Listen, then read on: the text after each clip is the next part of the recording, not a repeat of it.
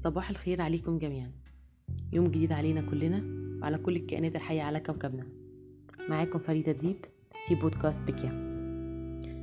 البودكاست ده بيضم كل الناس المهتمة إنها تحافظ على البيئة وتاخد خطوات صغيرة في حياتها اليومية إنها تكون صديقة للبيئة اللي حواليها. هدفنا في بيكيا إن إحنا نخلق مجتمع بيجمع كل الأشخاص والشركات اللي ليها هدف واحد هو إننا نحافظ على البيئة.